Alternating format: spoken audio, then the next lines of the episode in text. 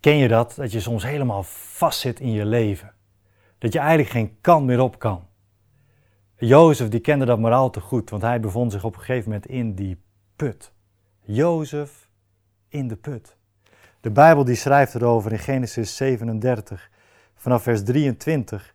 Zodra Jozef bij zijn broers was gekomen, trokken ze hem zijn bovenkleed uit, dat mooie veelkleurige gewaad, en gooiden hem in de put. De put was leeg, er stond geen water in, en daarna gingen ze zitten eten. Daar zat hij, moederziel alleen, ver weggereisd om zijn broers op te zoeken, beroofd van zijn mantel, afgedankt als een dood dier in een diepe put.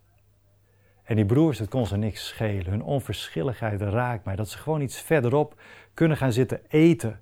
Terwijl ze later zouden zeggen: We hebben zijn hulpgeroep gehoord. We zagen hoe bang die was, hoe radeloos. En toch konden we eten alsof er niks aan de hand was. Soms heb je dat, dat je, dat je vastzit en niet, niet verder kunt.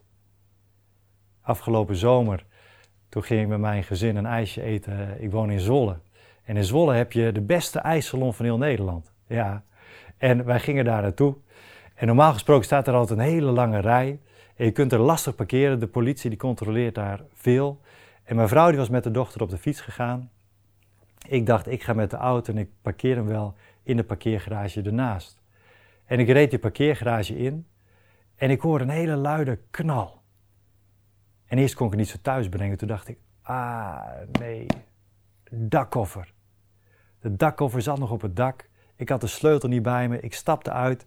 Ik kon niet meer achteruit eruit. Ik kon ook niet vooruit verder. Dan zou ik al die lampen eraf rijden.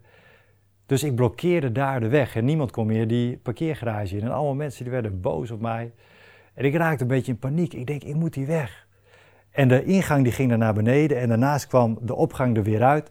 En ertussen was een soort vluchtheuveltje. Ik denk, als ik nou over die vluchtheuvel heen stuur, dan kom ik er vast wel uit. Dus ik stuur de auto die vluchtheuvel op en eraf en kloink. Die hele auto muurvast op die vluchtheuvel.